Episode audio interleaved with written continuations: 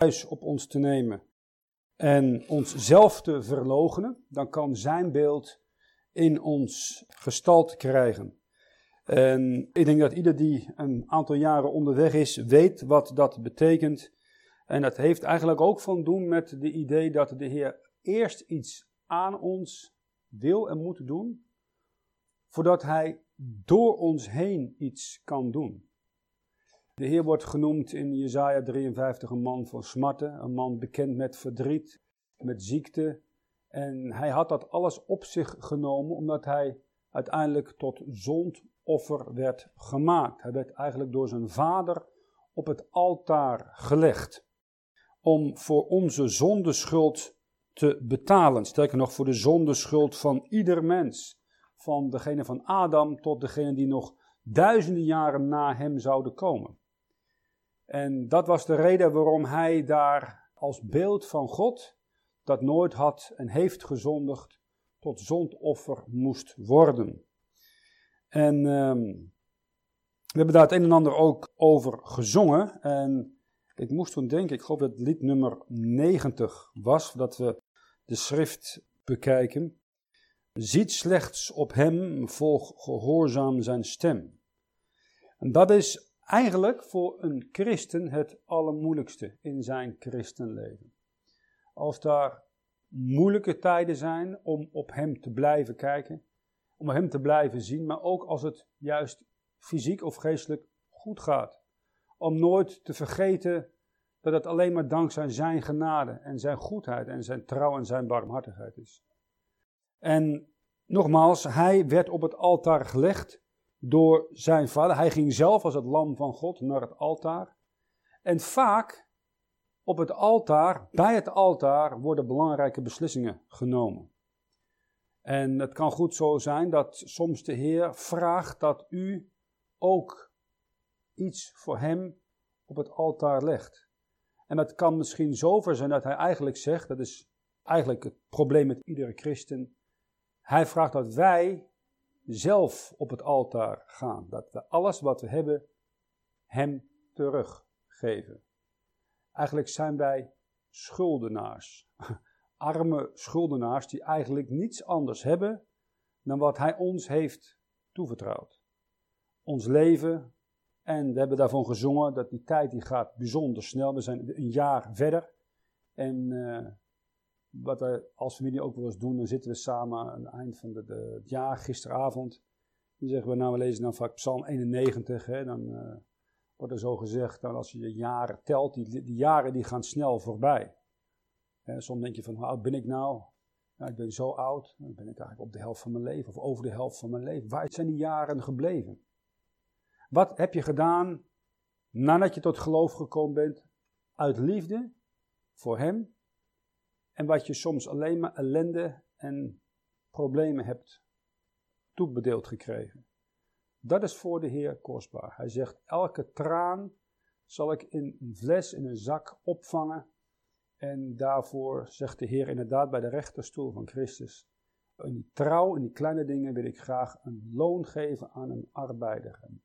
Een arbeider is ieder mens die hier zit, op de plaats waar, hij, waar u bent gesteld in zijn oogst. En dat is denk ik een zaak als je terugkijkt, waar kun je dan de Heer dankbaar voor zijn? En eigenlijk als je goed denkt en je begint eens op te schrijven, dan kun je heel snel een hele lange lijst met dingen maken waar je dankbaar voor kunt zijn.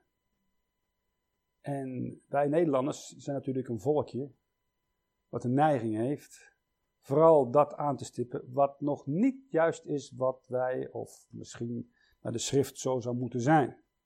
En dat is op zich niet zo verkeerd, maar we vergeten soms onze zegeningen te tellen en dankbaar te zijn voor alles wat wel in Gods genade en goedheid goed gegaan is in de afgelopen jaar. En Hem daarvoor alle eer te geven. Wat niet goed gegaan is, kunnen we onszelf voor de schuld geven. Amen. En zeggen, mogen we de volgende keer of aanstaand jaar beter doen. Maar wat goed gegaan is, dan kunnen we de Heer wel degelijk voor danken en prijzen. En het is goed om dat te doen. Dat je zegt tijd neemt om de Heer te loven. Voor zijn genade, zijn geduld. En um, als voorbeeld, soms is het ook niet zo slecht dat je soms uit je eigen land bent of uit je eigen gemeente bent. Maar dan leer je vaak je eigen gemeente, je land beter waarderen. Jullie zijn ook trouw om bepaalde broeders te ondersteunen in uh, Afghanistan, kan ik wel zo zeggen. En een tijdje geleden mocht ik ook het EVG afgelopen maand het woord weer bedienen. En dan merk je die mensen die zijn bijzonder dankbaar. Ook een aantal hebben zich bekeerd. En die mensen die hebben eigenlijk alles verloren. Die hebben alles vrijwillig, onvrijwillig op het altaar moeten leggen en alles is weg. Hun inkomen, hun bezit, hun kleding, hun, hun erfenis, alles wat ze opgebouwd hebben, generaties lang, is eigenlijk sinds augustus vorig jaar weg. Ze zijn net met hun leven ontkomen. Wat hebben ze? Ze hebben de Heer, ze hebben zijn woord, ze hebben zijn geest. Een paar hebben zich dan bekeerd, dan kunnen ze dan nu zeggen, we hebben zijn geest. En ze weten dat wat nu is, is vergankelijk. Ook daarvan hebben we gezongen. En die vergankelijke dingen, die zijn zichtbaar. De onvergankelijke, die zijn onzichtbaar. En de Heer zegt, juist van die onvergankelijke, daarop dienen we ons te richten en dienen we ons mee bezig te houden. Dat is eigenlijk een hele een vrij moeilijke toestand in een samenleving als de onze, waar eigenlijk alles wat zichtbaar is, wat fysiek, wat materieel is, dat is belangrijk. Dan nu dat juist hetgeen is wat uiteindelijk zal vergaan. Colosse 3 zegt, indien gij dan met Christus opgewekt zijt, zo zoekt de dingen die boven zijn, waar Christus is, zittende aan de rechterhand Gods. Bedenk de dingen die boven zijn, niet die op de aarde zijn. Waarom is dat? Vers 3, want gij zijt gestorven en uw leven is met Christus verborgen in God. Dat oude vlees, de oude ik is gestorven. En nu zijn we in God verborgen. We zijn in Christus geplaatst door die een de zeven dopen met de Heilige Geest. En in Hem hebben we alles ontvangen wat een mens nodig heeft.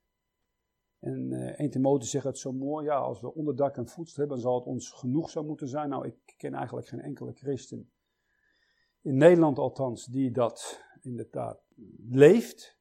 Maar in andere landen, net als de mensen die ik net noemde, die ook door jullie ondersteuning kunnen overleven en nog een toekomst hebben, is dat veel realer. Die hebben helemaal niets. Het enige wat ze hebben is die Christus waarvan ze horen dat hij uit liefde voor hen gekruist en opgestaan is. En mensen dat ze tot hem komen, dan smaken ze hoe goed de Heer en hoe trouw en barmhartig hij werkelijk is. En dat is prachtig om te zien dat die mensen soms veel opener zijn als hier waar de gemiddelde Nederlander toch allerlei dingen heeft hij denkt, die heb ik nodig. En zet zijn hart erop. En als gevolg daarvan sluit hij zijn hart onbewust af voor de geestelijke dingen die veel belangrijker zijn. En soms in een tijd van lijden merk ik vaak ook zelfs een uh, fysieke uh, niet zo goede toestand als je bent, heb je de neiging om meer met de dingen van de Heer bezig te zijn, meer je werkelijk naar Hem uit te strekken, meer van ganser harte te bidden, als het ons fysiek goed of beter gaat. Dat is eigenlijk het treurige van ons fysieke toestand. En de Heer die uh, weet op zijn eigen manier zich te openbaren, ook in tijden van moeite en troost. Ik wil graag een paar woorden zeggen over het thema trouw en het thema, thema kleine dingen. We beginnen met een vers uit Zacharia hoofdstuk 4, vers 10. Het zijn maar een paar versen. Zachariah hoofdstuk 4, vers 10. En de schrift zegt daar,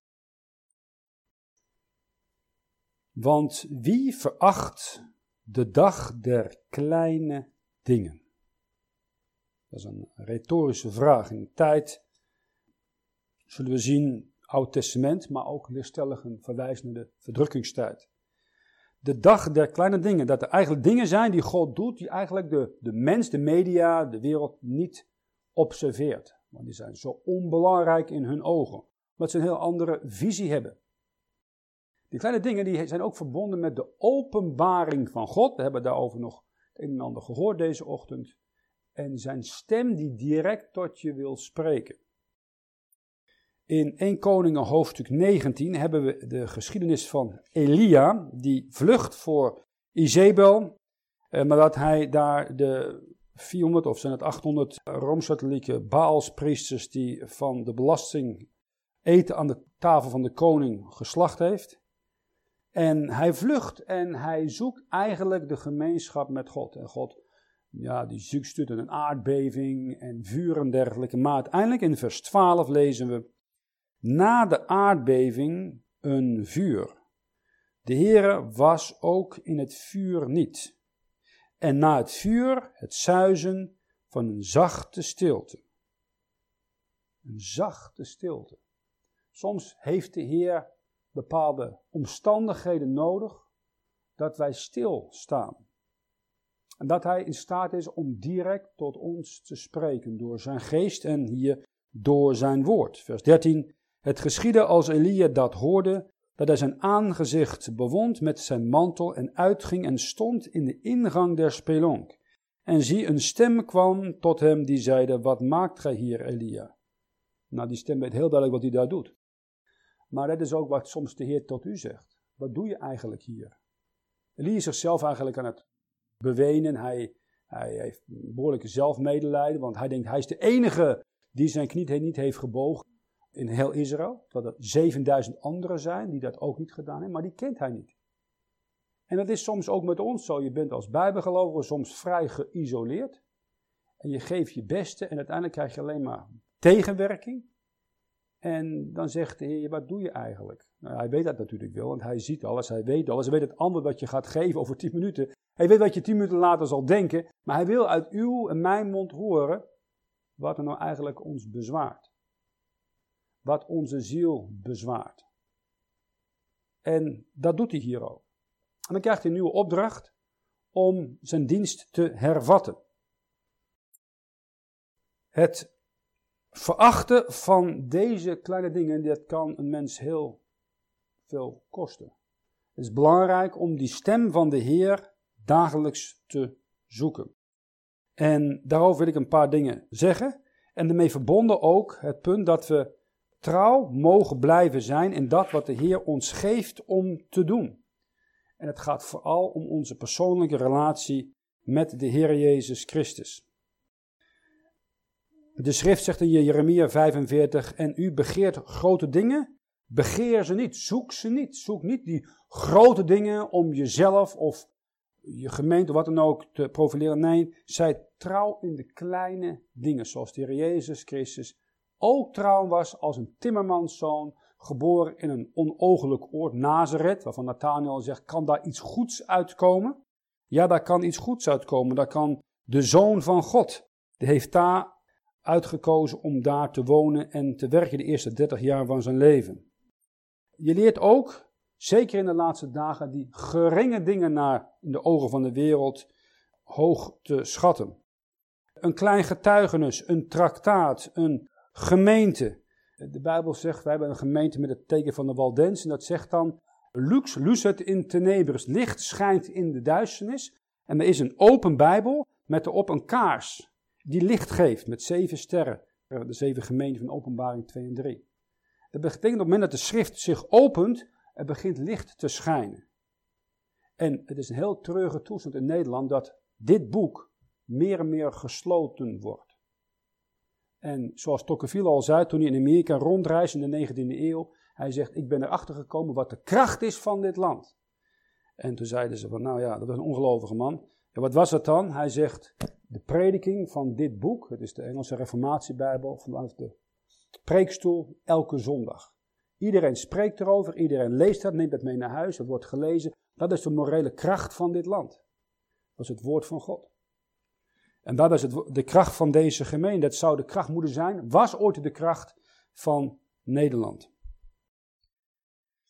Kleine dingen in de ogen van de mensen zijn belangrijk voor God. Die kleine man die daar met zijn, kleine jongen die daar met zijn vijf broden en twee vissen kwam, dat was belangrijk voor de Heer. Hij kon zijn offer, alles wat hij had op het altaar brengen, om een hele menigte te spijzen.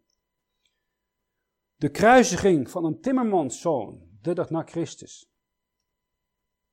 Wie had gedacht dat dat de geschiedenis zou veranderen, dat er een voor en een na Christus zou zijn. Dat deze mens, de hele mensheid in tweeën snijdt, verbonden met God door Jezus Christus, verloren voor God zonder Jezus Christus.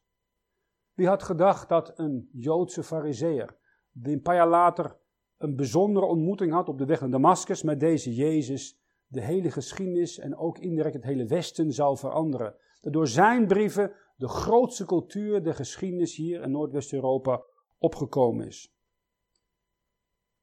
Onze of die, uw of mijn verlossing.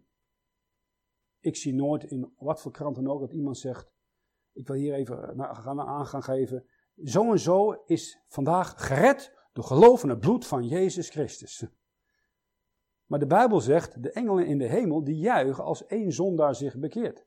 Als er weer een nieuwe oorlog in de Oekraïne of in Rusland is, zeggen ze: ja, dat is de zoveelste tussen Berlijn en Moskou. Dat is niets nieuws voor de engelen in de hemelen. Een kleine groep mensen is belangrijk. Ik wil daar nog iets van zeggen over het belang van individuele mensen die tot de Heer Jezus Christus komen. In 1858 was er een zekere zondagsschoolmedewerker, een zekere meneer Kimball. Ik denk niet dat u die ooit gehoord heeft, meneer Kimball. En hij uh, leidde een jonge teenager tot Jezus Christus, die schoenen verkocht. Was een goede persoonlijke zielenwinner. En die man, die kon in het begin, bij de eerste Bijbelstudie niet, het boek Johannes vinden. Hij zat in het boek Genesis te bladeren om het Johannes-evangelie te vinden. Maar deze man, twintig jaar later, ging als evangelist naar Engeland. Zijn naam was Dio Moody. Meer dan 100.000 mensen kwamen tot geloof door zijn dienst. In Engeland ontmoette hij een zekere Meyer, F.B. Meyer. En bij de grote samenkomsten van deze Moody kwam hij ook en hij was voorganger van een kleine gemeente. En Meyer later werd een bekende bijbelleraar en uh, hij leidde de heer Chapman tot geloof aan Jezus Christus als student op een universiteitscampus. En Chapman werd uiteindelijk een, na zijn voorgangerschap een reizende evangelist. En nam iemand mee, een voormalig baseballspeler, die professionele baseballspeler bij de grote Chicago White Sox. En die moest de tent opstellen voor zijn evangelisatiesamenkomsten. Op een gegeven moment zei die Chapman, ik heb het wel gezien, ik stop. En deze man werd Billy Sunday, die meer dan 1 miljoen mensen tot Jezus Christus leidde, eind 19e, begin 20e eeuw. En bij een opwekking die deze Sunday preekte in North Carolina, kwam een Joodse man tot geloof, Mordechai Ham. En Mordechai Ham werd later evangelist, preekte het evangelie. En in Charlotte, North Carolina, in de jaren 20, of 23 was het geloof ik, kwam een boer, boerenzoon tot geloof aan Jezus Christus. Zijn naam was Billy Graham. En hij heeft nog jaren het evangelie mogen preken. Als voorbeeld hoe belangrijk individuele mensen zijn. Wij kennen soms een bekende evangelist, maar weten niet wie uiteindelijk deze persoon tot hem heeft geleid. En dat is zo belangrijk dat voor God iedere ziel belangrijk is. Niet hoeveel er zijn, maar iedere persoon is belangrijk en het is aan ons, en vooral als een voorganger, om te helpen deze ziel te groeien in de genade en kennis van Jezus Christus. Geldt ook voor u. U heeft misschien uh, traktaten en dergelijke, die kunt u meenemen en verdeelt u. Maar u kunt ook dit jaar bidden, wilt u me één iemand geven die ik persoonlijk tot Jezus Christus mag leiden. En die kan de Heer misschien gebruiken om naar landen te gaan, waar u nooit zult komen om te getuigen van Jezus Christus. Zo'n 30 jaar geleden mocht ik een jonge man helpen, die nog student was. En hij is nu zendeling in verschillende moslimlanden geweest. En nog altijd is hij daar actief. En de meeste landen waar hij geweest is, zal ik nooit komen. Het mocht hem een paar jaar helpen en begeleiden om te groeien in zijn relatie met Jezus Christus. Ten tweede, wat belangrijk is, is niet de hoeveelheid mensen, maar de individuele zeden die de Heer u op uw weg brengt, dat u die probeert waar mogelijk te getuigen en als het even kan tot de Heer Jezus te leiden. Een bekende hernhutter, zendeling, Georg Schmid, die ging naar Afrika. En die had niet veel succes. Hij had één persoon tot de Heer mogen leiden. En dat was in een Zuid-Afrikaans gebied. En hij werd gevonden, biddend op zijn knieën voor Afrika. En in die toestand is hij ook gestorven. Honderd jaar later waren er meer dan 13.000 christenen in dat gebied waar hij ooit had gediend als zendeling. Hij had alleen niet het resultaat mogen zien gedurende zijn leven. Ben nog goed, jaren geleden was ik in uh, een gebied waar, een, waar ik een boerenjongen tot de Heer mocht leiden. En via hem, het was een jongen die helemaal niet zo bijzonder begaafd was om te spreken of geen persoonlijkheid die mensen aantrekt. Maar door hem kwamen er meer dan tien andere jongens tot geloof aan Jezus Christus in dat boerendorp. Ten wil ik belangrijk iets zeggen over de offergave. Er is mogelijkheid om ook iets te geven. Ik wil het enige van nu ook ondersteunen met de christenen, het leidende lijp Christus, van Christus in bepaalde moslimlanden. Daar ben ik zeer dankbaar voor, ook in naam van deze christenen. Enkele hebben een hele mooie kerst mogen met een paar ja, geschenken, dat ze in een eigen huis kunnen wonen. Niet vervolgens dat ze eten hebben, is voor hun al een, een, een bijzonder geschenk dat christenen die ze helemaal niet kennen, in een ander rijk land als Nederland, hun financiële ondersteuning hebben gegeven om hier te kunnen overleven en hopelijk ergens anders een nieuwe toekomst te kunnen eh, beginnen. Maar ook die offergaven zijn belangrijk. De Heer kijkt eh, wat we met onze aalmoezen doen. In het boek Spreuken hoofdstuk 16, vers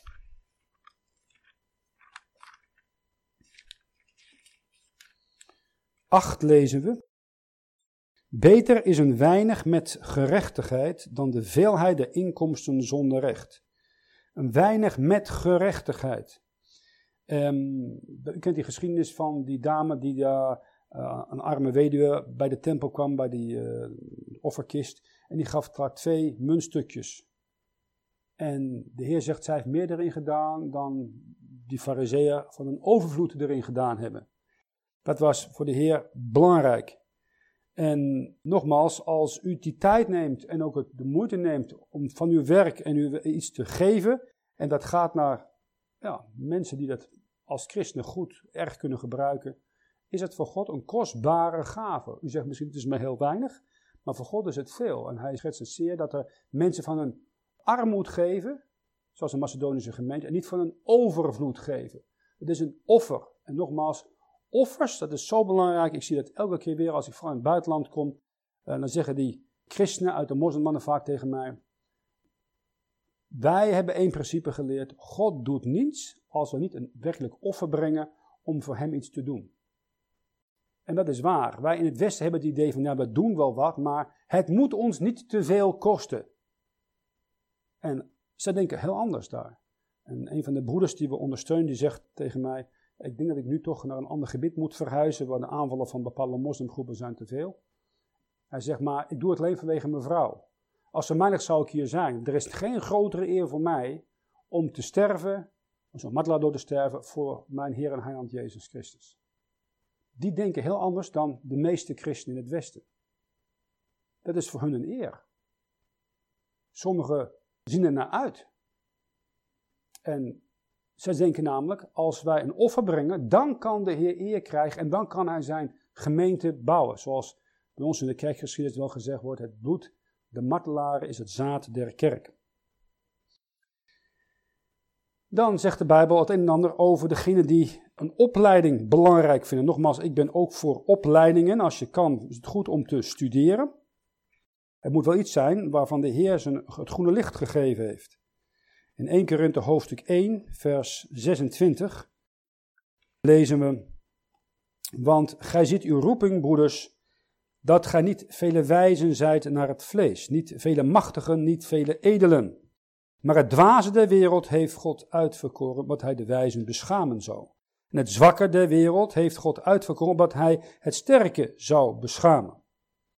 En waarom doet hij dat alles? Vers 29, opdat geen vlees zou roemen voor hem. Het gaat er uiteindelijk om, om Hem beter te leren kennen en om Hem eer te geven. Daarom gebruikt hij mensen die van nature, naar de mens gesproken, niet een bijzonder slim of opgeleid of een bepaalde eloquentie hebben. Nee, hij gebruikt de eenvoudige man zoals de vissers de tijden van Jezus gebruikt werden. Van Edison werd gezegd van zijn schoolmeester, was toen zes jaar oud, Edison, hij is te dom om te leren. En vermoedelijk hebben we reeds gezegd dat hij toen hij net tot geloof kwam, hij eh, Johannes zocht in het Oude Testament. En u kent misschien de geschiedenis van Bunyan. Bunyan was de man die de pelgrimsreis, het boek in het Nederlands? Pelgrimsreizen. of de christenreis, de christenenreis geloof ik heet dat ook. Een bekende baptistenpredikant uit de 17e eeuw. Hij was een, een eenvoudige ketelmaker, kwam tot geloof, begon te preken, werd baptistenpredikant. En de toenmalige Karl II, heden hebben we Karl III, ook uh, geheime katholiek, maar de Karl II was toen de tijd een katholieke koning. En die zei, jij mag als baptistenpredikant niet preken. Nou zei hij, ik wil toch preken. Dan zei die man, dan ga je in de gevangenis.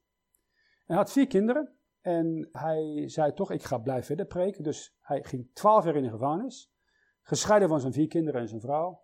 Die werden verzorgd door de baptistengemeente en hij schreef daar uiteindelijk 60 boeken. Elke keer als hij naar buiten mocht komen, was er een grote menigte mensen die hem toehoorden. Hij had geen formele opleiding. Hij was arm, niet opgeleid, twaalf jaar in de gevangenis.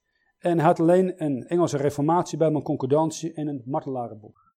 Hij schreef 60 boeken en zijn boek, De Christenreis of de Pelgrimsreis, is een van de meest vertaalde boeken, gedrukte boeken, na de Bijbel op deze wereld. God kan zoveel doen als wat u heeft, u de Heer toevertrouwt. Dan kleine kinderen is ook iets wat de Heer graag gebruikt. Jaar geleden was er een man en die had een eh, jonge vrouw getrouwd en zijn schoonouders, ouders van haar, die waren geen christen. Nou, op een gegeven moment gingen ze op bezoek en ja, toen wordt het toch wel geacht dat de kinderen een mooi versje kunnen opzeggen of zo, een of andere riedel. En hij had die kinderen geleerd bijbelversen op te zeggen. Want hij had gedacht, nou ja, naar mij willen ze niet luisteren. Hun schoonzoon die hun dochter meegetrokken heeft als een religieuze fanaticus.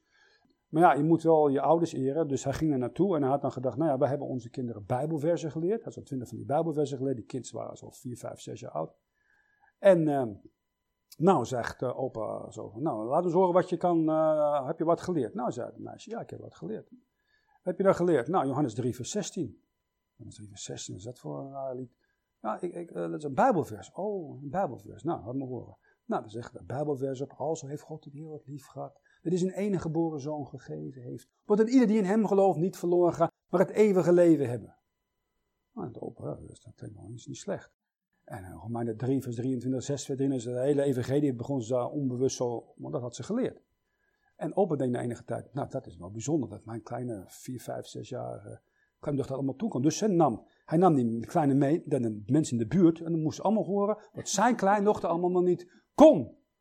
Nou, dus dat kind dat ging dat allemaal uh, weer vertellen natuurlijk. Iedereen dacht, ja, wat leuk, wat lief en zo. Terwijl als haar vader, de, schoonva de schoonzoon van uh, de oudere opa, datzelfde had gedaan, dan, ja, dan zou hij nooit ergens binnengekomen zijn.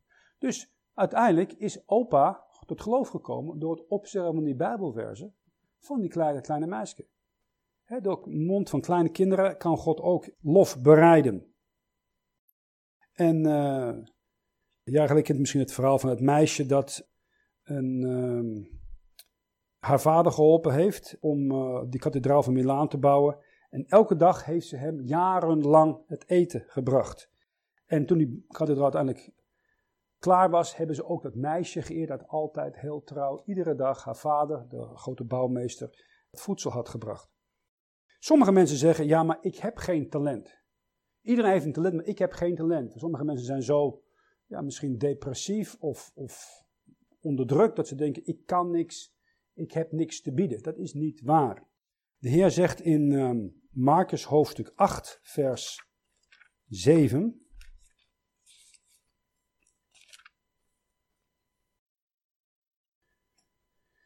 En ze hadden weinige visjes, en als hij gezegend had, zeide hij dat zij ook die zouden voorleggen. En ze hebben gegeten en zijn verzadigd geworden, en ze namen het overschot der brokken op zeven manden.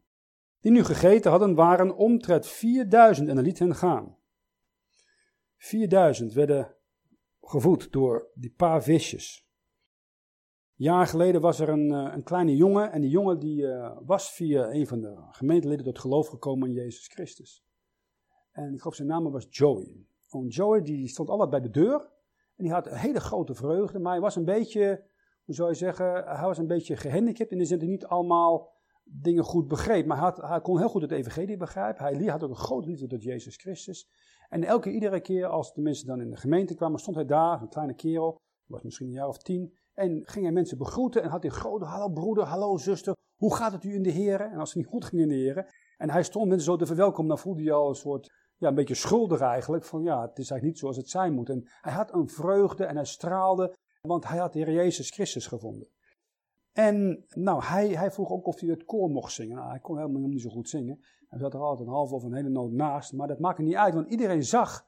Joey had een grote liefde tot de Heer en zijn stem was duidelijk over alles te horen. Want hij, hij schreeuwde het eigenlijk uit uit zijn ziel van hij had de Heer Jezus gevonden. Hij had iemand die hem lief had en hij vertrouwde hem alles toe. En dat was ook zichtbaar aan iedereen in die gemeente. Uiteindelijk toen, uh, Joe die wilde natuurlijk ook getuigen. Dus uiteindelijk is hij gaan getuigen. Hij vroeg hoe dat nog ging en hij had wat bijbelversen uiteindelijk kunnen leren. Het ging niet zo makkelijk af. En uiteindelijk zijn vader en zijn vijf broers en zusters en zijn moeder kwamen allemaal tot Jezus Christus. Als ook zijn grootouders. En het was niet wel dat Joey nou zo'n geweldig intellect had of het allemaal goed kon verwoorden. Nee, helemaal was nog een kind. Maar Joey had een liefde voor de Heer Jezus. En iedereen in de gemeente en buiten de gemeente, die zag dat. En iedereen wist, het was puur, het was echt. En dat was voor de omgeving en als ook voor de Heer belangrijker. Om dan op het nou zo geweldig te kunnen verwoorden. Een goed jaar geleden waren we in een studentendienst. Er was een jonge man, die zei niet veel, was heel schuchter. En uh, ik mocht hem tot de Heer Jezus leiden. En hij heeft in die groep vijf dat hij studeerde, zeven medestudenten tot Jezus Christus geleid.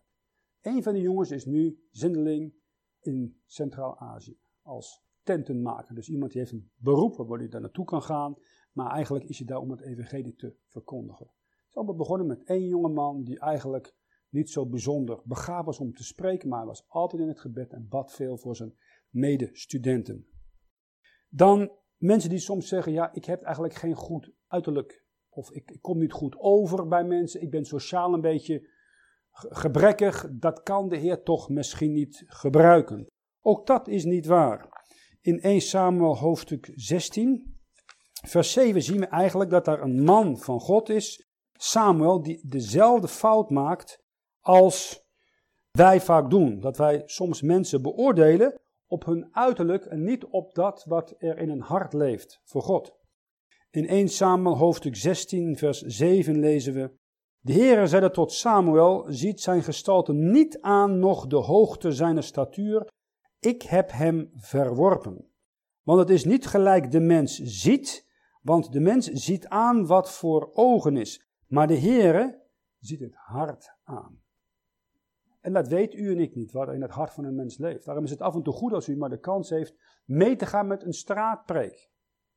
Want dan ziet u af en toe mensen waarvan u denkt, nou, die willen zeker wel een traktaat nemen. En die zeggen, sommigen zeggen, nou, ga weg, ik wil er niets mee van doen hebben. En soms heb je mensen waarvan je denkt, nou, die zullen nooit iets nemen.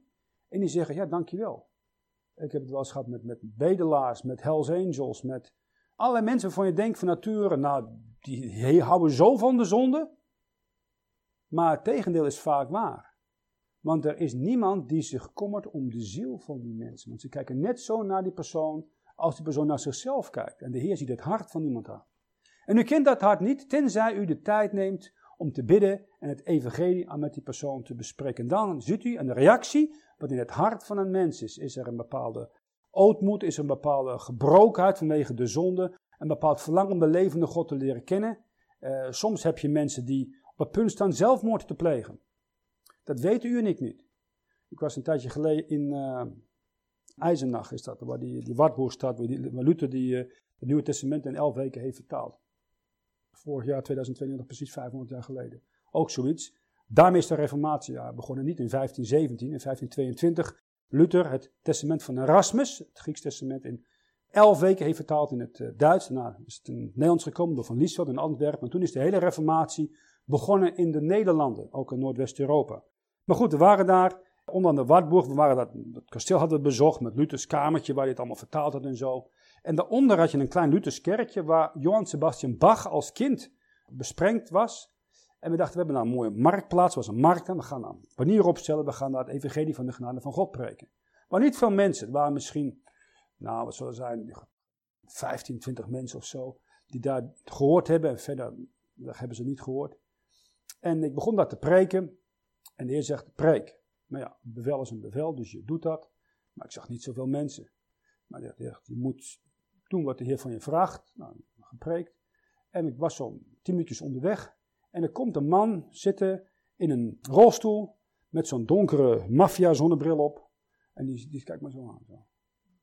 Dus ik denk, nou, ik heb minimaal een publiek van één persoon, dat is al heel wat. Dus ik begon verder te preken. Het evangelie van de genade van God, een belang van bekering, van eigen gerechtigheid tot God en geloof in de Heer Jezus Christus, dat je door geloof het eeuwige leven hebben kan. Eenvoudige boodschap. Ik was klaar, ik ga naar hem toe. Ik zeg, heeft u het begrepen? Hij zegt, ja, ik heb het begrepen. Ik heb gezegd, ik heb wel een vraag. Is zelfmoord zonde? Ik zeg, ja, dat is zonde. Nou zegt hij, waar komt u vandaan? Ik zeg, Zwitserland. Nou zegt hij, ik ben van plan om volgende maand naar uw land te komen, want in Zwitserland schijnt het veel makkelijker te zijn om zelfmoord, suicide te plegen met hulp van statelijke of, of artsen als dat in Duitsland is. Ik zei, oh, maar uh, ik heb een veel betere alternatief. Hij zegt, ja, dat kan me voorstellen, want ik heb u wel gehoord en die Jezus, die heb ik nodig. ik zei, waarom heeft hij die nodig? Toen heeft hij mij zijn levensverhaal verteld. Nogmaals, dat was voormalig DDR. Hij was een echte ja, hij was een behoorlijke verbrecher. En uh, hij vertelde zijn levensverhaal, in en uit de gevangenis geweest. De laatste keer was hij jaren in de gevangenis geweest. Hij had één liefde in zijn leven. En toen hij naar buiten kwam, was ze dood. Hij had niks meer. Ik zei, nou voor mij geen enkele reden. Ik ben gestraft door God, zegt hij. Want ik kan niet meer lopen. En uh, enige liefde die ik had is dood. Dus ik ga volgende maand wil ik naar uw uh, land en dan het, mijn leven nemen. Laten nemen. En uh, ik zeg, maar ik heb iets veel beters van u. De Heer Jezus zegt, kom tot mij, alle die vermoeid en belast zijn. Ik zal u rust geven. Ik zal u vrede geven. En ik mocht hem nogmaals de evangelie uitleggen. En uh, op een gegeven moment zei ik tegen hem, wilt u ook deze heiland aannemen die in uw plaats, die de zondelast die u zo bedrukt op zich genomen heeft op het kruis? Hij zegt, heel graag. We hebben daar gebeden. En achter die grote maffia-bril zag ik de tranen naar beneden komen.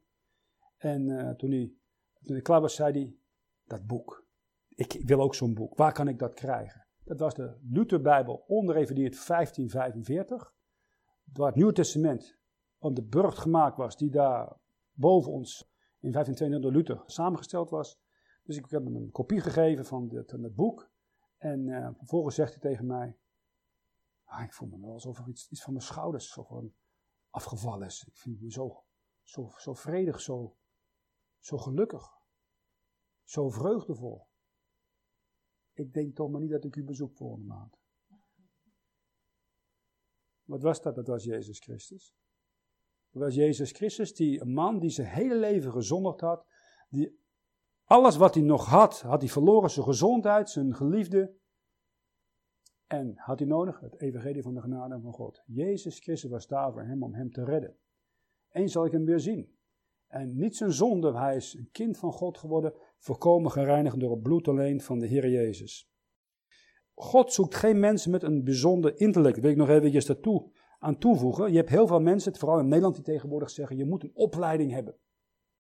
Ik geloof dat kennis van dit boek is de beste opleiding die u kunt wensen. Dat is meer voldoende voor u om in elk opzicht werkelijk opgeleid sociaal en in ieder opzicht met een nuchter verstand een, een, hulp te zijn voor uw directe omgeving.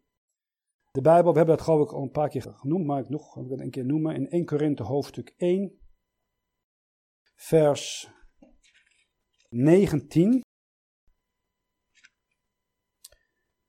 Want er is geschreven, ik zal de wijsheid der wijzen doen vergaan en het verstand de verstandigen zal ik teniet maken. Hij doet dat door een mens, een timmermanszoon, die door zijn opstanding bewezen is te zijn, God geopenbaard in het vlees, de schepper van hemel en aarde.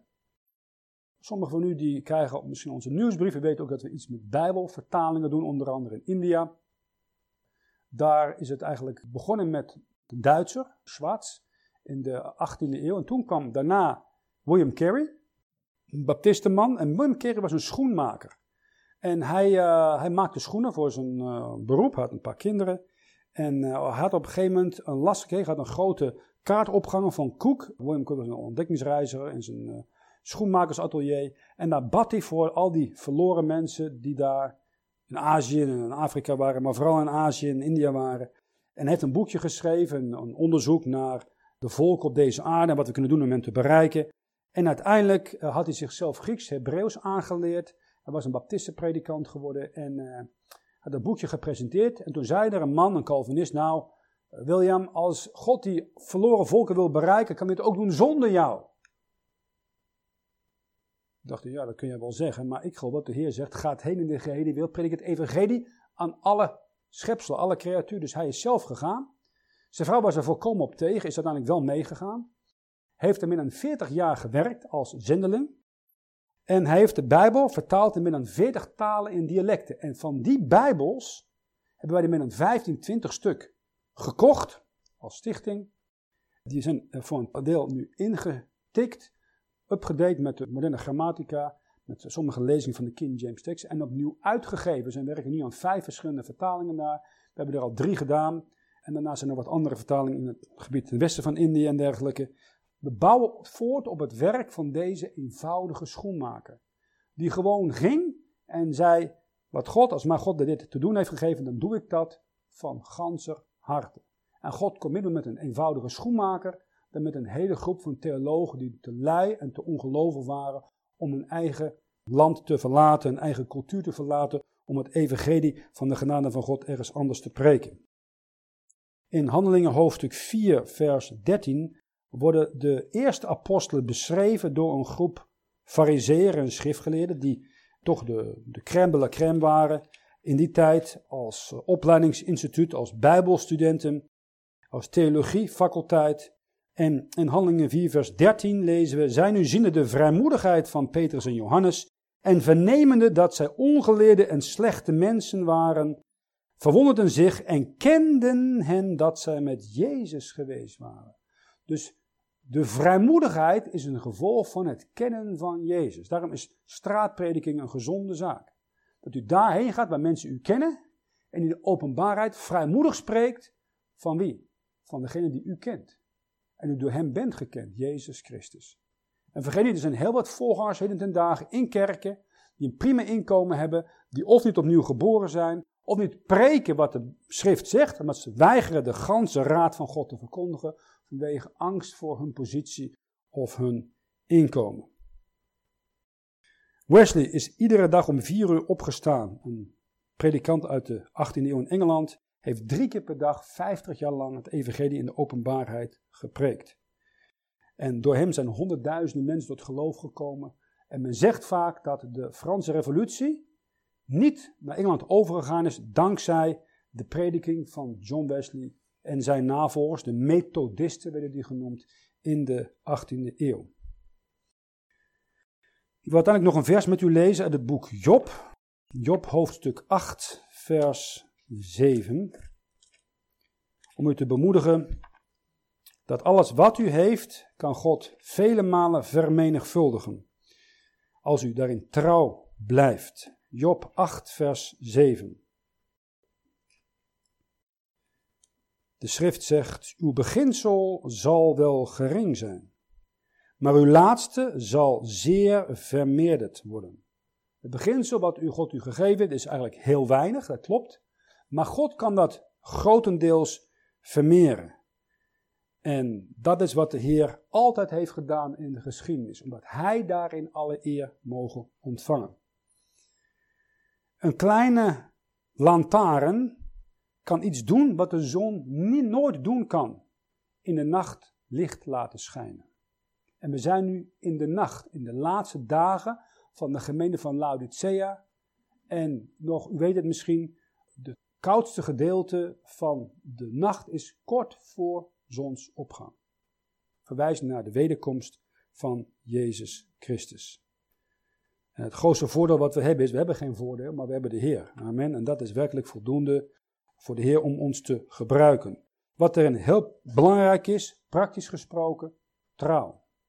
Trouw begint vaak met de voorganger of met de oudste in een gemeente die trouw zijn in een persoonlijke relatie met de Heer Jezus Christus. Ik vond het mooi te horen, ik wist dat niet dat hier de zeven, de zeven zevens gepreekt zijn de laatste tijd. Maar het past wel mooi in 1 Korinthe hoofdstuk 4. En dan mag, wil ik u nogmaals ook benadrukken om voor uw voorganger te bidden. Natuurlijk voor zijn familie, maar ook voor zijn dienst. Want nogmaals, de dienstheer heeft dus een van de zeer weinige trouwe diensten nog in Nederland. 1 Korinthe hoofdstuk 4, vers 1 en vers 2. Alzo houden ons in ieder mens als dienaars van Christus en uitdelers der verborgenheden Gods. En voorts wordt in de uitdelers vereist dat elk getrouw bevonden worden. Weet je waarom er zo'n ellende is en zo'n ontzettende weerwaar is en op het christelijk erfenement, ook hier in de Bijbelbelt, zeg maar? Omdat de voorgangers niet trouw zijn om de verborgenheden uit te delen. Die eenvoudige zeven verborgenheden worden niet eens meer gepreekt in de meeste kerken. Ook de meeste vrijkerken niet. Een treurige toestand. Ontrouw. U zegt, kijk de Heer of ik trouw ben. Ja, de Heer beproeft u ook. Of u trouw bent. En het gaat vooral, het begint met iets waar Nederlanders van nature bekend om staan. Lucas 16 vers 10. Die getrouw is in het minste, die is ook getrouw in het grote.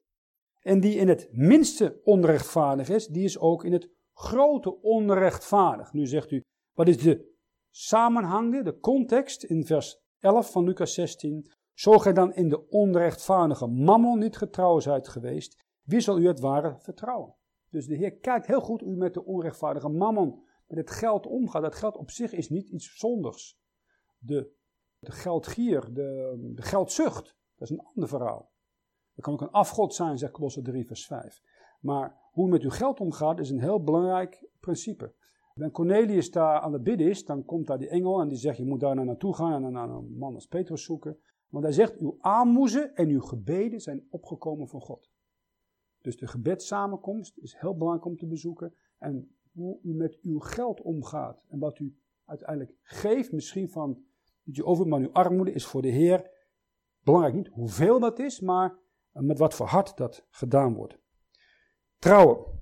Trouwen uh, in uw persoonlijke relatie met de Heer Jezus Christus. Vaak heb je zoiets van nieuwjaar, nieuwe wensen of goede wensen en zo. Nou, ik zal zeggen, als er één wens is die u zou kunnen doen, of één voornemen, is misschien dat je zegt, ik wil maar dit jaar één keer door die hele Bijbel lezen. Van Genesis tot en met openbaring, drie hoofdstukken per dag. Een kwartiertje lezen, 20 minuten lezen per dag. Maar als je dat doortrekt, dat is al een hele, hele zaak. Dan ben je trouw, probeer trouw te zijn in je gebedsleven, in je persoonlijke relatie met Jezus Christus. En vandaar trouw zijn in je relatie met je vrouw, je man, met je kinderen, met je werk. En daarna komt eigenlijk dingen als gemeente, Bijbelinstituut en zo. Maar probeer een goede volgorde aan te houden van trouwen. God zoekt niet geweldige grote dingen, mensen die grote dingen doen, mensen die trouw zijn in de kleine dingen. Daarnaast ben je beschikbaar voor de dingen van de Heer. Of heb je je eigen plannen en de Heer past daar niet in?